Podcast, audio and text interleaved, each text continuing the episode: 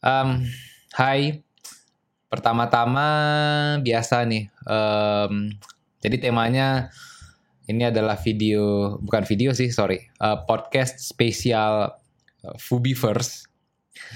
Um, khusus untuk orang-orang yang menyumbang, uh, saya pakai istilahnya itu donasi di um, konten ini um, rencananya bakalan saya adakan setiap bulan sekali.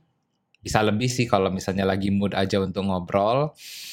Um, ya jadi karena kebetulan catatan siapa aja yang nyumbang itu ada di HP saya kebetulan sekalian zoom live pakai HP juga. Jadi saya nggak bisa nyebut. Yang bisa saya ingat adalah beberapa kawan-kawan aja tapi saya bilang aja secara keseluruhan mau berterima kasih buat kawan-kawan dari um, komunitas Arum. Saya cuma ingat dua orang, yaitu Bang Lagio sama Cing Wafi yang udah menyumbang untuk uh, Fubivers. Habis itu komunitas um, Anaser Jember yang sudah menyumbang juga terima kasih. Komunitas Adariat Banyuwangi terima kasih. Komunitas um, Atahir Sade, terima kasih. Sama Atahir Lombok Timur, Pangeran, terima kasih. Ada beberapa yang yang belum menyumbang di sini yaitu Bali sama Lombok Tengah. Um, pan nggak akan bilang makasih juga sama kalian karena kalian belum menyumbang. Tapi kalau punya niat untuk menyumbang ya terima kasih. Tapi kalau di bulan ini kalian nggak nyumbang ya enak kali kalian udah dikasih kesempatan untuk live kayak begini, habis itu nggak nyumbang juga, luar biasa. um, ya intinya terima kasih yang sebesar-besarnya buat kawan-kawan. Um, jadi tadi saya kan pakai bahasa Fubiverse ya kan. Kok bukan Fubidon tapi kok jadi tiba-tiba jadi Fubiverse. Nah, per sebenarnya per Oktober tahun lalu, jadi saya sudah punya rencana yang pertama ya untuk memprofesionalkan uh, channel saya yang yang Fubidon. Nah, jadi um, Fubidon ini sekarang di dalam track untuk menjadi channel profesional, makanya saya itu nyumbang uh, minta sumbangan dari kawan-kawan untuk hal-hal terkait kayak menggaji personel, habis itu untuk mengamplop um, undangan-undangan podcast dan kebutuhan operasional lainnya. Um, uh, yang difokuskan memang yang di channel Fubidon saja, yang di um, yang temanya itu tentang sejarah. Jadi saya kenapa memilih yang sejarah? Karena um, itu yang paling enak bagi saya yang audiensnya itu yang pertama banyak ya pastinya. Bukan sebenarnya bukan banyak ya um, cukup spesifik uh, cukup um, niche tapi audiensnya itu tidak banyak pesaing gitu loh dan saya suka juga bermain di sejarah karena itu adalah channel yang ilmu saya paling sedikit gitu. Jadi saya tuh dengan serius kayak begini siapa tahu ilmu sejarah saya menambah juga gitu. Nah, selain itu um, yang di sejarah ini memang karena ya tadi ya persaingannya nggak banyak dan saya memang pengen buat channel yang fokus soal edukasi. Musik kenapa tidak di musik karena menurut saya udah terlalu banyak ya um, yang edukas edukator-edukator musik dan orang kalau bicara musik lebih ngelihatnya ke entertainment. Tidak ada tidak ada apa namanya tidak ada fokus ke masalah edukasinya juga dan ya saya sendiri bosan sama edukasi musik. Saya nggak nggak ngerasa relate untuk ngajar-ngajar soal musik makanya nggak. Dan kenapa nggak filosofi? Karena filosofi itu yang pertama terlalu berat dan um, amalan filsafat saya itu terlalu ekstrim untuk Indonesia. Makanya daripada bikin kontroversi, saya mending filosofi saya fokuskan untuk audiens barat aja ke depannya gitu. Jadi kan fokus konten saya itu adalah filsafat, musik sama um, ini ya sama sejarah gitu. Nah, Fubidon itu kan yang sejarah, Fubibas itu musik dan Fubilosofi itu um, pod, eh podcast filsafat. Kenapa nggak saya apa apa sorry um, bukan gitu Nah, tiga um, channel ini dia berada di bawah grup perusahaan, katakanlah seperti itu. Sebenarnya bukan grup perusahaan, tapi lebih ke kelompok media namanya Fubiverse. Kenapa saya kasih nama Fubiverse? karena keren ya keren lah nama itu Fubiverse bahkan lebih keren daripada Fubidon sebenarnya cuman karena Fubidon itu nama yang di awal ya saya pakai aja nama Fubidon kan gitu nah um, apa target saya target saya itu sepanjang tahun ini um, 2024 saya pengen bisa nyentuh 50 ribu subscriber atau 50 ribu followers Instagram saya pingin channel ini bisa mandiri. Jadi salah satu target pribadi saya adalah ingin secara finansial itu channel-channel ini saya itu um, bisa menghidupi dirinya sendiri. Selama ini saya masih minta duit dari dari dari istri, sebenarnya bukan dari istri sih, tapi dari uang uang pribadi gitu. Maunya ke depannya bisa sendiri gitu. Jadi memang target Fubi Fubi Fubidon ini memang lebih banyak ke masalah finansial. Um, karena saya rasa secara edukasi dan secara kualitas udah cukup bagus, sangat sangat bagus malah kalau bisa saya bilang. Jadi saya nggak ngerasa ada sesuatu in terms of um, kualitas yang bisa dikembangkan di situ kecuali yang terkait dengan skill-skill individu kayak Misalnya kualitas dari cara saya menyampaikan, kualitas dari video yang saya saji, dan kualitas dari naskah yang saya buat itu jelas masih bisa dikembangkan lagi. Tapi dari segi kualitas informasi yang dibagi, saya nggak berencana untuk membuat informasi yang lebih ngejelimen dari apa yang udah ada sekarang. Jadi kalau kawan-kawan perhatikan di sini um, channel saya, Fubidon itu sebenarnya informasi yang saya bagikan itu informasi yang standar banget um, kalau bisa dikatakan kualitas informasinya itu surface level, jadi nggak terlalu mendalam, nggak seperti filsafat dan bas ya. Hanya aja yang mendalam adalah di Fubidon ini ciri khas saya itu adalah memberikan sebuah narasi, kadang-kadang memulainya dengan pertanyaan yang tidak disangka-sangka gitu. Ya tentu ada keunikan juga yaitu saya mengunjungi wilayah sejarah yang nggak terlalu populer kan gitu. Tapi memang salah satu kemampuan keunikan yang channel Fubidon ini miliki adalah bagaimana saya bisa mengambil garis merah antara suatu lokasi dengan kisah-kisah yang mungkin tidak terpikirkan oleh orang-orang yang melihat lokasi itu pertama kali gitu. Saya tidak berencana untuk menjadikan tempat wisata menjadikan tempat-tempat sejarah itu menjadi tempat wisata. Saya memang ingin fokus melihat menyaji, menyajikan kualitas edukasi dari lokasi-lokasi tersebut. Jadi ya ya saya memang fokusnya pengen benar-benar pengen mengedukasi gitu. Nah, sepanjang tahun ini mungkin sampai Oktober saya fokus di wilayah Tapal Kuda. Artinya dari um, Lumajang, Probolinggo, Jember, Situ Bondo, Bondowoso sampai Banyuwangi ini saya selesaikan dulu selama satu tahun ini. Saya pengen membangun komunitas juga di sana sebelum akhirnya nanti saya akan pindah di season kedua ceritanya. Saya belum tahu season kedua mau ke mana. Target saya itu kalau nggak Bali Lombok, kalau nggak Bali Lombok, kalau nggak Bali Lombok Sumbawa, kalau nggak Bali Lombok Sumbawa Matraman, kalau nggak Matraman um, Joglo, Jogja Solo gitu. Karena kebetulan nanti April saya udah mulai pindah ke Solo kan. Um, tapi saya belum tahu um, fokusnya ke mana. Saya lihat dulu bagaimana performa tapal kuda ini, karena saya juga ngerasa masih banyak kisah-kisah di tapal kuda yang belum saya gali, yang belum dibagikan juga ke Indonesia.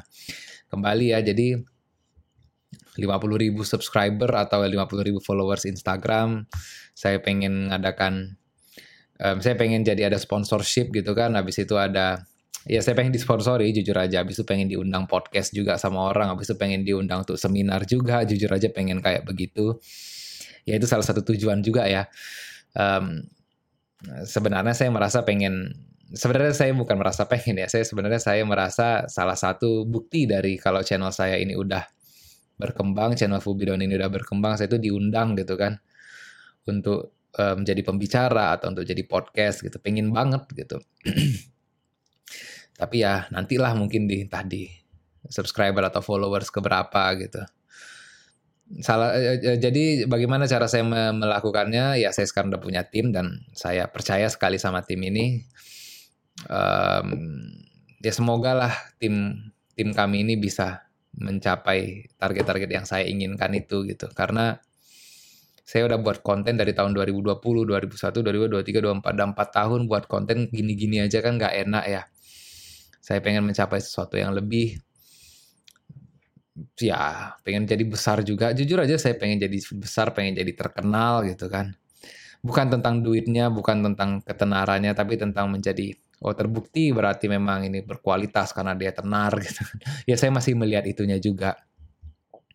Ada sebenarnya alasan pribadinya waktu itu ya pas saya buat konten buat apa gitu banyak dari keluarga saya itu bilang gini kamu kuliah lah Fuad. Kamu kan pinter kamu ambil beasiswa untuk kuliah apa segala macam gitu. Saya merasa masa sih kualitas edukasi seseorang dinilai dari tingkatan ininya ya tingkatan kuliahnya? gitu. Jadi ngerasa pengen bukti ini aku nggak perlu kuliah gitu. Aku bisa kok ngelakukan apa-apa yang seharusnya kalian-kalian yang S1 S2 S3 bisa lakukan gitu kan ya ada keinginan itu juga. Tapi memang terlepas dari itu semua yang paling murni adalah tujuan saya. Saya ingin mengedukasi.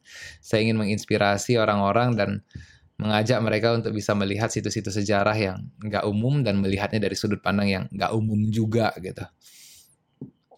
Ya itu itulah itulah ininya ya. Itulah um, targetnya. Sekali lagi saya mau nyampaikan makasih buat kawan-kawan um, ada uh, komunitas Adariat Banyuwangi Anaser Jember um, Arum Depok Jawa Barat Alail Bali entah udah ngirim atau nggak tahu. Um, Atahir Sade Lombok Tengah dan Lombok Timur. Um, ya saya saya saya senang sekali sejujurnya gitu karena saya selama ini merasa kayak nggak pernah didukung eh rupanya ternyata dukungan itu banyak gitu kan. Ya saya sendiri sih yang sebenarnya terlalu terlalu apa ya terlalu baperan gitu kan. Konten sedikit yang nonton saya kira orang nggak ada yang peduli gitu rupanya banyak yang peduli tapi saya saya cuma nggak tahu itu aja gitu. Dan dari sumbangan-sumbangan ini ternyata itu buktinya gitu. Jadi ya sekali lagi makasih buat kawan-kawan untuk bulan ini bulan ya maksudnya untuk bulan Desember yang lalu. Nanti bulan Januari ini saya tunggu lagi ya itu pembukaannya pembukaannya udah makan waktu 12 menit sendiri um, terus apa yang dibahas gitu. Sebenarnya saya pengen bahas tentang menatap hari menatap tahun baru cuman bahasnya terlalu lebay. Tapi ya gitulah gitu. Pertanyaan untuk kita semua sebenarnya kita mau ngapain nih di tahun ini gitu? Saya ini mau ngapain di tahun ini? Apa yang ingin saya capai gitu Tentu secara pribadi tadi saya udah secara secara profesional saya udah nyebutkan ya saya pengen membesarkan konten saya. um, tetapi begini ya, kadang-kadang sebelum mencapai memulai itu semua, saya kita terutama ya perlu untuk melihat ke belakang juga gitu. Apa yang terjadi sepanjang tahun lalu gitu um, dalam konteks konten yang saya buat sebujurnya tahun 2023 mayoritas itu tahun yang berat untuk untuk saya sebenarnya sebagai seorang pembuat konten gitu. Saya ingat Januari 2023 itu saya ngerilis konten yang mengatakan saya keluar dari sufi setelah di tahun 2022 itu selama tiga bulan terakhir itu saya um, pensiun buat konten gitu. Jadi sebenarnya di sepanjang dari tahun 2021 sampai tahun 2023 pertengahan sejujurnya ya. Saya itu dihantui oleh perasaan um, perasaan merasa tidak tidak layak untuk menjadi besar dari segi pembuat konten gitu. Saya ngerasa memang nggak ada yang mendukung, nggak ada yang membantu dan lain sebagainya gitu kan dan merasa nggak pede jujur aja merasa nggak pede merasa benci sama diri sendiri gitu kan. Ah, aku ini nggak ada gunanya nih konten yang kubuat ini nggak nggak nggak ini nggak nggak berkualitas dan dan segala macem lah gitu. Jadi betul-betul saya ngerasa perasaan kayak begitu sampai tahun ini sampai eh sorry sampai tahun 2023 pertengahan gitu. Yang merubah saya di tahun 2023 waktu itu adalah ketika saya itu ketemu sama sahabat saya dari Australia. Beliau beliau nanya simpel aja sebenarnya ya. Ya memang kebetulan beliau itu adalah orang yang saya hormati dan saya akui juga kemampuannya ya, kemampuan uh, bisnisnya lah gitu kan. Beliau nanya gitu, apa yang mau kamu lakukan sama kontenmu ini Fuad katanya. mikir saya jadinya gitu kan. Setelah mikir saya ngabisin waktu selama seminggu, saya masih ingat waktu saya kebetulan ke Bali kan. Pasti Bali itu langsung mikir panjang akhirnya sepakat sama diri sendiri. Oke, okay, aku mau buat konten sejarah yang kupisah. Aku mau buat konten yang terpisah antara sejarah, filsafat dan musik waktu itu. Akhirnya pasca itu kan langsung dipisah gitu. Nah uniknya sebelum itu terjadi di dari awal Januari sampai saya lupa ya sampai sampai kapan itu ya? Kalau nggak salah sampai sampai Agustus ya, sampai Agustus itu saya berkali-kali ngerubah konten saya gitu. Jadi kalau kawan-kawan kawan-kawan ingat di tahun 2020 um, saya itu konten sejarah 2021 konten sejarah sampai 2022 gitu kan sejarah vlogging dan dan lain sebagainya gitu. Nah begitu masuk Januari 2023 konten saya langsung jadi konten ini um, filsafat dan sufi waktu itu. Tapi saya mengambil mengambil posisi waktu itu sudah non sufi gitu. Jadi udah keluar dari sufi di di di masa itu gitu.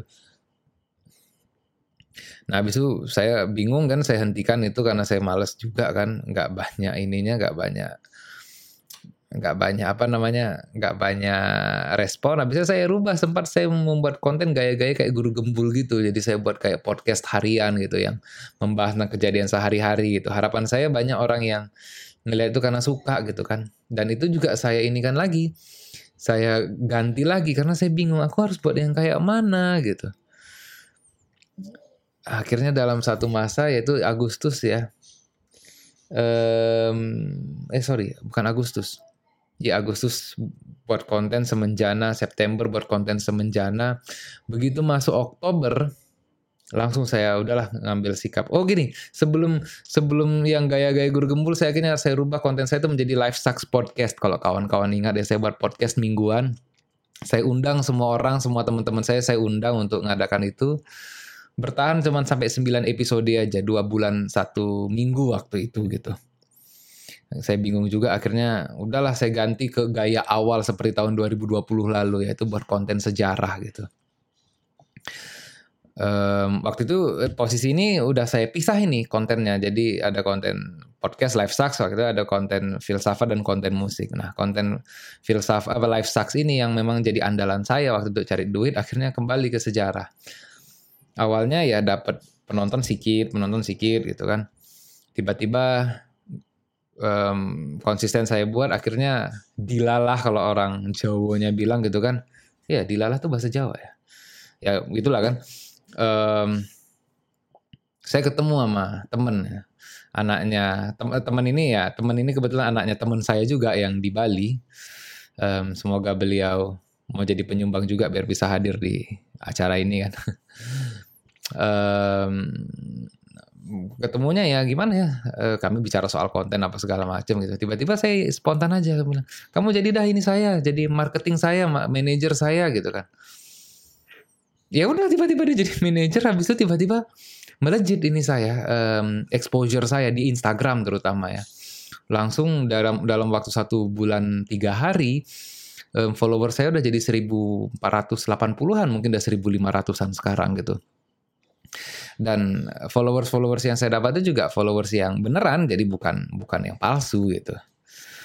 Um, jadi engagementnya banyak gitu kan. Ya, ada yang nge-like ada yang komen bahkan ada juga yang komen-komen eh, gini ya bahkan ada yang komen muji ada yang komen ngetag bagi yang paham sosmed ya ada yang komen ngetag saya itu ke Guru Gembul sama Asisi Channel. Asisi Channel ini saingan saya nih, saya anggap ya beliau punya channel sejarah juga, khusus sejarah Jawa tapi ya um, subscribernya udah hampir 500 ribu gitu. Jadi luar biasa gitu kan. Jadi saya ngerasa ini seperti kehormatan bagi saya juga kan ada yang meng-tag nama-nama itu di channel saya gitu, apa di postingan saya di Instagram. Ada juga yang memaki, ada juga yang kritik, ya biasalah sosial media kan tapi karena saya udah terbiasa dengan itu ya udah saya lewati aja gitu. Biar bagaimanapun saya mantan orang surau dan saya keluar dengan gak enak di surau saya tahu rasanya dikritik saya tahu rasanya dihujat saya tahu rasanya ya di disindir dan lain sebagainya saya tahu. Jadi udah biasa aja sama saya digituin gitu. Um, ya akhirnya ya gimana ya? Um, saya jalan dah kayak gitu sampai sekarang. Akhirnya saya ngerasa pede lagi, saya ngerasa punya semangat lagi untuk mengarungi 2023 ini gitu. Nah, menariknya sebenarnya ya, kembali lagi ke tahun eh sorry 2003, 2024. Nah, menariknya kembali lagi ke tahun 2023 di bulan September sebenarnya. Ada kejadian pribadi yang membuat saya pikir ya membuat kehidupan saya juga menjadi lebih baik per kejadian itu gitu. Um, yaitu waktu itu saya memutuskan untuk gini. Agak lucu sih sebenarnya cuman saya rasa ini sesuatu yang signifikan juga merubah hidup saya gitu. Saya mulai ngejim saya mulai ngejim mulai ya fitness lah gitu bahasanya sederhananya gitu. Saya fitness entah kenapa setelah fitness itu saya ngerasa merasa lebih positif sama diri saya sendiri gitu. Jadi jika ada salah satu kelemahan terbesar saya yang saya itu bukan terlambat menyadari ya, tapi terlambat mengakuinya gitu. Saya tahu saya punya kelemahan itu, tapi saya dengan sombongnya pura-pura nggak tahu gitu. Kelemahan saya itu adalah begini. Saya itu sebenarnya nggak suka sama diri sendiri gitu saya nggak senang sama diri saya sendiri. Saya merasa diri saya ini adalah orang yang gagal gitu. Sering-sering saya merasa saya adalah orang yang eh, yang menyia-nyiakan potensi dirinya gitu. Dan salah satu bentuk saya untuk melawan itu gitu dulu-dulu itu adalah makan sikit gitu kan. Menyiksa diri lah gitu. Habis itu kalau apa namanya kalau buat konten terutama itu saya harus yang perfect kali nggak mau mengasihi orang lain untuk me, me, me, mengotak-atik konten saya gitu. Dan saya juga sangat tertutup sama banyak kawan-kawan gitu kan. Nah begitu saya fitness ini yang pertama saya merasa lebih pede sama badan saya sendiri itu dulu gitu.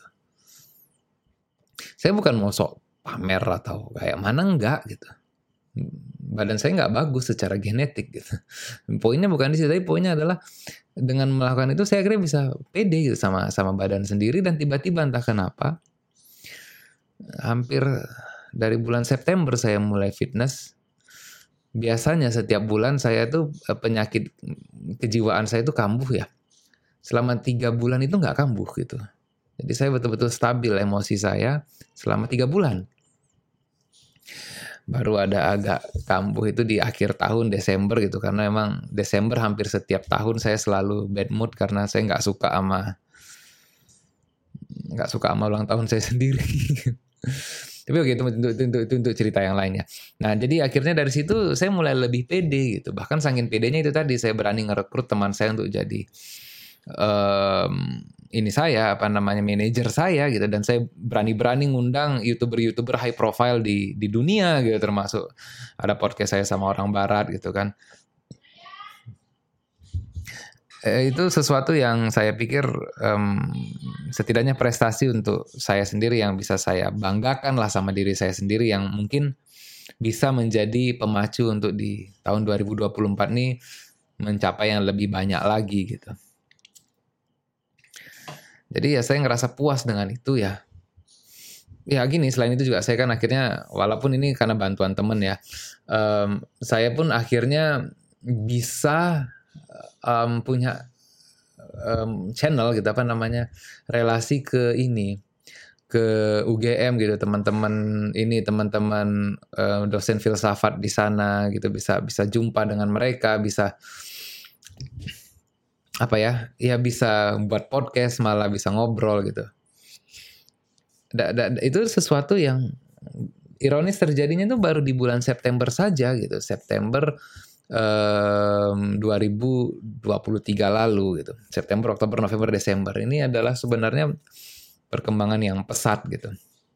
Sorry, saya jadi selama 24 menit curhat aja. Jadi 11 menit berterima kasih, di menit sisanya saya curhat gitu. Kenapa saya melakukan ini? Kenapa seharusnya saya membuat konten itu yang apa membuat podcast khusus ini? Harusnya ini, harusnya memotivasi kawan-kawan gitu. Aduh, sorry guys. Tapi emang dari awal rasanya lagi pengen uh, ngobrolin ini aja juga gitu. Mau ngobrol ke kawan-kawan yang ngaca saya nggak mau gitu. Saya pengen ngobrol ngobrolin ini memang ke kawan-kawan yang saya pikir punya komitmen untuk saya gitu. Salah satunya saya ngelihatnya adalah dengan ya begini sekali lagi ya. Saya nggak pentingnya nilainya berapa gitu.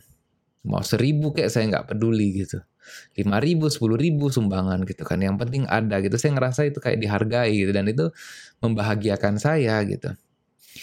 Ya nggak keberatan sih misalnya gini bang ini saya lima ribu tapi nanti abang kasih saya sepuluh ribu gitu. Nah, silahkan gitu walaupun mungkin nggak saya kasih cuman kan setidaknya saya nggak tersinggung dengan permintaan itu gitu. Jadi ya, ya saya pengen ngomong kayak begini, saya ngerasa saya ngomong ini ke kawan-kawan, kawan-kawan pun akan menerima itu gitu. Karena komitmen dari saya melihat komitmen menyumbang itu gitu sebesar apa pun nilainya kan. Jadi ya ya itulah yang pengen saya ceritakan tentang diri saya sendiri. Saya benar-benar pengen mencapai sesuatu yang lebih gitu. Dan terutama ya um, di balik itu semua gitu. Konten terutama konten sejarah yang saya miliki ya karena cuman itu yang menurut saya gampang difahami untuk kawan-kawan. Gitu. Sebenarnya saat saya menyusun konten sejarah, gitu, saya melihat poin dari cerita yang saya mau ceritakan adalah saya selalu mikirkan begini sebenarnya. Teman-temanku ini mau nggak mendengar cerita ini gitu loh. Jadi kalian sebenarnya yang selalu saya jadikan fokus kalau mau mengambil poin dari cerita sejarah gitu. Kayak misalnya eh, episode pertama saya yaitu yang eh, di kilometer 1000 Anyer Panarukan kan judul saya itu saya buat ya. Um, apakah saya membela penjajah waktu itu kan itu judulnya saya buat kayak begitu. Yang saya lakukan kan di situ adalah saya itu mencoba meluruskan kejadian sejarah supaya kita mengerti apa yang terjadi gitu. Supaya kita paham kejadiannya dan salah satu yang saya inginkan adalah begini. Kita harus paham, maklum malah ya, kepada orang-orang yang jahat sekalipun gitu. Di dalam narasi sejarah Indonesia, Herman William Dendels sebagai orang yang kepala proyek dari inilah ya, pencetus proyek uh, 1000 km Anyer Panarukan, apa namanya di Grote Postweg. Itu yang dia lakukan adalah tindakan yang keji, saya setuju. Cuman kita harus memahami kenapa dia melakukan kekejian itu gitu. Apakah kita akan memaafkannya atas segala sesuatu yang kita dia lakukan? Hmm, saya rasa itu kembali kepada pribadi masing-masing. Tapi poinnya adalah alangkah baiknya jika kita mau melakukan sesuatu terhadap orang itu, kita mau menentukan suatu sikap pada orang itu, kita pahami dulu akan kenapa dia melakukan itu semua gitu. Perkara kita mau memaafkan atau apa itu nggak penting bagi saya. Yang penting itu kita tahu. Oh begitu yang terjadi di dirinya Herman Willem Dendels di masa itu gitu. Termasuk di episode kedua itu saya itu mengcover soal Cikasur kan saya bercerita tentang bagaimana kita itu harus bisa menyikapi identitas seseorang gitu kan. Dan sebenarnya itu salah satu contoh yang saya ambil itulah orang tua saya sendiri gitu yang dulu dianggap sebagai suami apa istri dari seorang pemimpin besar dan kemudian sudah menjadi seorang janda karena pemimpin besarnya sudah meninggal gitu kan. Kan nggak nggak enak kita bilang dia adalah janda pemimpin tapi eh, padahal hampir seumur hidupnya beliau selalu menjadi istri pemimpin gitu kan lebih baik kita mengenangnya sebagai seorang istri pemimpin walaupun di beberapa tahun terakhir sudah tidak lagi gitu karena masalah meninggal gitu kan. Jadi kadang-kadang kita di saat memberikan gelar kepada seseorang kita harus sesuai juga gitu. Misalnya Eh, misalnya gimana ya?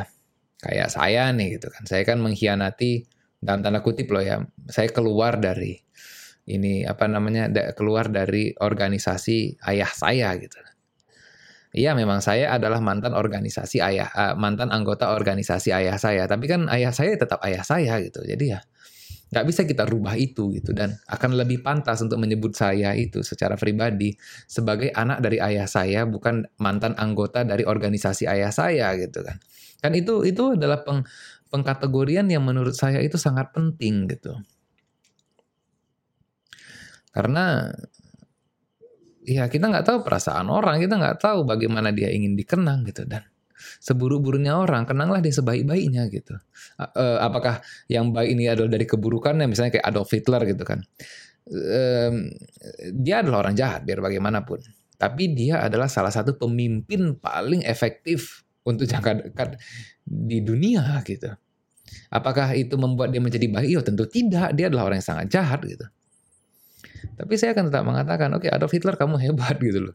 Tetapi terlepas dari itu kamu adalah orang jahat gitu. Itu itu loh maksud saya di dalam bercerita saya gini. Saat, jadi kembali ya ke poin cerita awal. Saya saya bercerita soal lokasi-lokasi sejarah yang ada. Saya mau mencari isu-isu yang relevan sama kawan-kawan saya ini gitu. Nah, jika ada jika ada tema yang selalu selalu selalu saya pakai untuk di setiap sejarah ini perhatikan ya. Saya selalu menceritakan tentang fahami konteks sejarahnya, fahami ceritanya dulu secara menyeluruh, Cari poin-poin cerita yang mungkin kita lewatkan. Siapa tahu di situ ada nilai-nilai yang sangat berharga bagi kita. Poinnya di situ dan saya merasa semua dari kita menghadapi masalah seperti itu gitu. Tentu memang secara edukasi saya mengajarkan tentang rasional, tentang berpikir logis, tentang berpikir um, skeptik, tidak langsung percaya, ya, ya, pelajari semua sumber-sumbernya. Tentu itu salah itu itu poin utamanya tetap saya ingin teman-teman ini ter terbekalkan, dibekali oleh pemikiran-pemikiran kayak begitu, oleh ilmu-ilmu kayak begitu. Jadi saya itu memang sangat sangat getol gitu loh me, me, me ini me, me, apa namanya menyajikan video-video yang kayak begitu untuk kawan-kawan gitu. Jadi ya perlu saya bilang gitu. Sebesar apa pun yang saya targetkan dari konten saya, sajian utama ini memang tetap saya buat untuk kawan-kawan gitu. Dan yakinlah gitu. Waktu itu eh, ini cerita lain ya. Um, waktu itu pas saya ulang tahun gitu kan. Salah satu teman bilang gini. Selamat ulang tahun ya bang. Semoga channel abang makin besar dan abang makin banyak duitnya gini gini gini. Terus dia bilang tapi kalau abang udah punya banyak duit jangan lupa ya sama saya katanya gitu. Habis itu saya bilang gini. Bang, saya saya kok udah punya banyak duit itu paling saya gunakannya untuk ke tempat abang terbang gitu duitnya itu untuk bayar tiket pesawat habis itu tiket habis itu kamar hotel di sana gitu saya begini ya kawan kawan-kawan lah kita rata-rata udah boleh lah ya saya cerita diri sendiri ya ya di sinilah kesempatan saya bercerita soal diri sendiri ya um, kalau kawan-kawan kenal gitu saya udah pernah punya banyak uang dan lain sebagainya gitu ya. Gimana ya? Saya ini anak orang kaya, Bro gitu. Bapak saya kayaknya luar biasa, kakek saya apalagi. Mereka orang terhormat pula gitu kan. Tapi sama kalian aja saya berkawan kan. Gak pernah saya itu mencari kawan-kawan dari ring 1, ring 2 gitu, gak pernah gitu. Sama kalian aja gitu. Pas dulu saya punya banyak uang juga, punya banyak akses. Terbangnya ke mana ya? Ke tempat, ke tempat kalian juga ya kan. Saya terbang ke Jember, ngabisin waktu ke sana. Bisa loh di masa itu sebenarnya saya itu kalau mau katakanlah terbang ke Jakarta cari hotel yang bintang 5 paling tinggi. Nggak ke sana saya. Saya ke Jember. Saya ke Bali jumpain teman-teman. Sekali-sekali saya pulang ke, ke Medan gitu. Di Medan pun tinggalnya di rumah orang tua. Banyak duit saya saya pakai untuk itu gitu. Jadi begini ya, oh Bang Fuad pengen punya duit banyak supaya apa? Supaya bisa bergaya hidup elit. Nggak, nggak terpikir saya untuk itu. Saya pengen punya duit banyak. Saya pengen ke Leang Petakiri di Makassar sana. Saya pengen pergi ke Palu, di sana ada situs megalitik yang besar-besar bangunannya. Saya pengen ke Palembang, di situ ada budaya Pasemah yang sangat jadi gini, di budaya Pasemah itu keren ya. Jadi budaya men, me, e, gini, salah satu kebudayaan yang bisa menjinakkan gajah yang paling awal di ini di dunia itu kalau nggak salah saya itu adalah eh, yang yang yang yang pertama kali masuk ke Indonesia itu adalah budayanya India yang bisa menjinakkan gajah. Ternyata di Pasemah sana, di Palembang sana, udah ada kebudayaan yang bisa menjinakkan gajah juga. Sebelum India masuk. Gitu. Itu saya yang pengen ke sana gitu. Nah kalau saya, saya males, saya ngapa, ngapain gitu Jadi jadi ya mohon maaf sekali lagi saya cerita soal diri saya sendiri. Tapi ya beginilah aslinya gitu. iya saya pengen besar konten saya tuh. Saya pengen menjadi salah satu konten kreator terbesar dalam konteks edukasi di Indonesia gitu. Target saya itu dalam waktu lima tahun ya kalau bisa lebih cepat punya subscriber atau followers itu 500 ribu gitu kan supaya saya bisa ke sana kemari untuk nengok-nengok situ-situ gitu saya bisa menginspirasi banyak orang saya bisa menginspirasi banyak orang gitu. Saya bisa mengajarkan orang-orang untuk bisa berpikir lebih dalam melalui sejarah Kalau filsafat, saya sekarang mainnya di barat sana gitu. Sebenarnya passion asli saya itu di filsafat. Tapi itu masih rahasia untuk kita semua karena ceritanya lebih dalam lagi.